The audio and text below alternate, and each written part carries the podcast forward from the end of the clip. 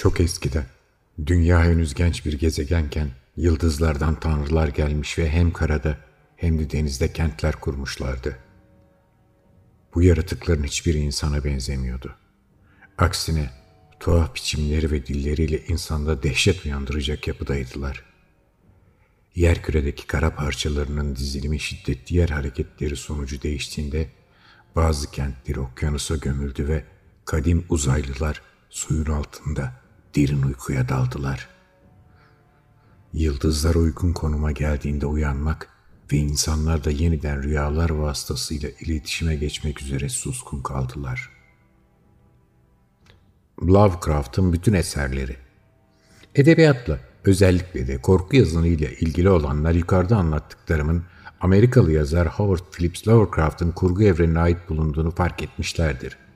Çoğunlukla adının kısaltılmış haliyle H.P. Lovecraft olarak anılan yazar, pek çoğu Weird Tales dergisinde yayımlanan öyküleri ve kısa romanlarıyla korku edebiyatını ve kendisinden sonra gelen yazarları en çok etkileyen isimlerin başında geliyor.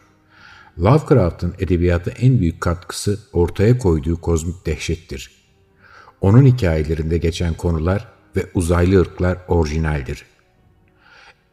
Eğer H.P. Lovecraft'ı tanımak, dünyasına nüfuz etmek istiyorsanız yazarın eksiksiz külliyatını okuma imkanına sahipsiniz. Zira Alfa yayınları Hasan Fehmi Nemli'nin çevirisiyle yazarın öykülerini ve romanlarını iki ayrı ciltte topladı. Bu derleme Lovecraft'ın tüm yapıtlarını hepsine kolayca erişebilecekleri şekilde kütüphanelerinde bulundurmak isteyen korku okurları için de ideal. Kütüphane başında geçen çocukluk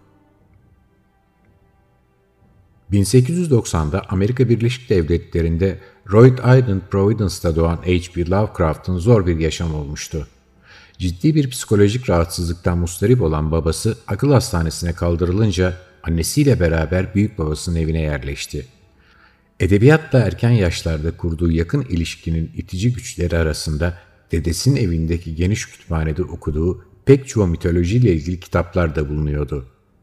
Küçük yaşlarda şiir yazmaya başlayan ve başta astronomi olmak üzere bilme de ilgi duyan Lovecraft'ın annesi oğlunu kız çocuğu gibi giydiriyordu. Babası hastaneye yattıktan 5 sene sonra vefat etti. Belli ki tüm bunlar yazarın ruhunda derin yaralar açtı.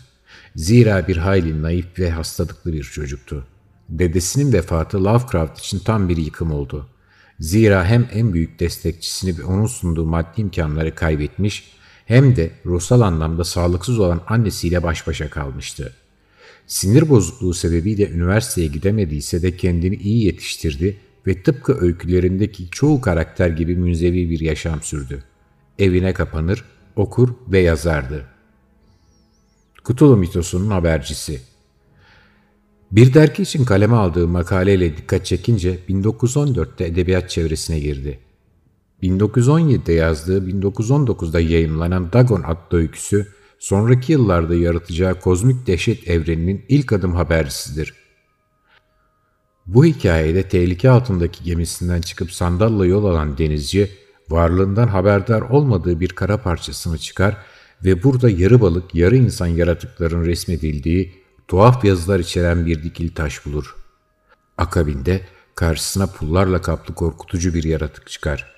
Her ne kadar içine düştüğü dehşetten kurtulsa da yaratık onunla rüyalarında iletişim kurmaya ve hayatını zindana çevirmeye devam edecektir. Bu arada Lovecraft'ın annesi de bir zamanlar babasının yattığı akıl hastanesine kaldırılır ve 1927'de orada hayatını kaybeder. Yazarın sonraki hayatı geçimini yazarak sağlamaya çalışmakla ve ruhsal sorunlarıyla mücadele ederek geçer. Lovecraft'ın özgün mitolojisi Lovecraft'ın öykülerinde ve kısa romanlarında ele aldığı konulara baktığımızda eski çağlarda uzaydan gelen kozmik dehşetin ve kötücül varlıklara hizmet eden gizli tarikatlar ön plana çıktığını görürüz. Lovecraft'ın kendine özgü bir mit yarattığını söylemek kesinlikle abartı olmaz. Onun uzaylı tanrılar evreni başlı başına bir mitolojidir ve bunu en iyi Deliliğin Dağlarında adlı kısa romanından Cthulhu'nun Çağrısı öyküsünden öğreniriz. Deliliğin Dağlarında bilimsel araştırma için Antarktika'ya giden bilim insanlarının başından geçenleri anlatır. Bölgede tek hücrelilerden biri eski zamanlara ait gelişkin yaşam kanıtları tespit eden ekip üyelerinin çoğu vahşice öldürülür. Bunlardan iki tanesi ise dağın tepesinde kadim uzaylılara ait milyonlarca yıllık bir kent bulur. Uzaylıların henüz çok genç bir gezegenken ve üzerinde yaşam yokken dünyaya yıldızlardan nasıl geldikleri ve sonrasında olanlar şehrin duvarlarına işlenmiştir. Yüce eskiler olarak adlandırılan bu uzaylılar kendilerine hizmet etmek için Shogun adını verdikleri varlıklar üretirler. Ancak Shogotlar zaman içinde bilinç kazanmış ve efendiler için tehlike haline gelmişlerdir. Peki tüm bunlar kadim uzaylı kentini bulan bilim insanlarını nasıl etkileyecektir? Lovecraft, Cthulhu'nun çağrısı öyküsünde ise okyanusun derinliklerine gömülen kentinde uyumakta olan ejderha ve ahtapot karışımı ürkütücü uzaylı yaratık Cthulhu'nun uyanışını anlatır. Cthulhu'ya tapan ve binlerce yıldır kendini gizlemeyi başarmış gizemli tarikatlar vardır ve bunların amacı yaratığı uyandırmaktır. Bu arada yıldızların uygun konuma gelmesi neticesinde Cthulhu insanlarla rüyalar aracılığıyla da iletişime geçer. Müziği de etkiledi. Yapıtlarını çeşitli dergilerde yayınlatan Lovecraft'ın hiçbir kitabı sağlığında basılmadı. 1937'de kanserden ölümünden sonra Arkham House adlı yayın evi onun tüm eserlerini yayınladı.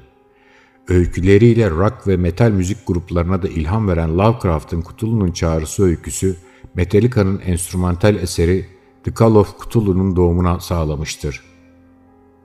Metallica grubu The Thing That Should Not Be ve Dream No More şarkılarında Lovecraft'tan aldıkları esinle besteledi. Pek çok romanı ve öykü sinemaya uyarlanan Lovecraft, aralarında Stephen King ile Dandry Cons'un da olduğu popüler korku yazarlarının ilham kaynağı olmayı sürdürüyor. Yazan Özlem Ertan Özlem Ertan'ın bu yazısı Evrensel Gazetesi'nde yayınlanmıştır.